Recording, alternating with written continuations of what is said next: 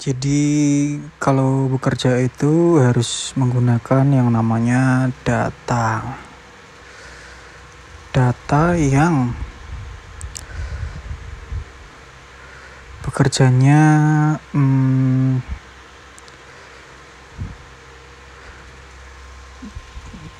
bertahap. Tentu semuanya harus menggunakan data-data yang akurat.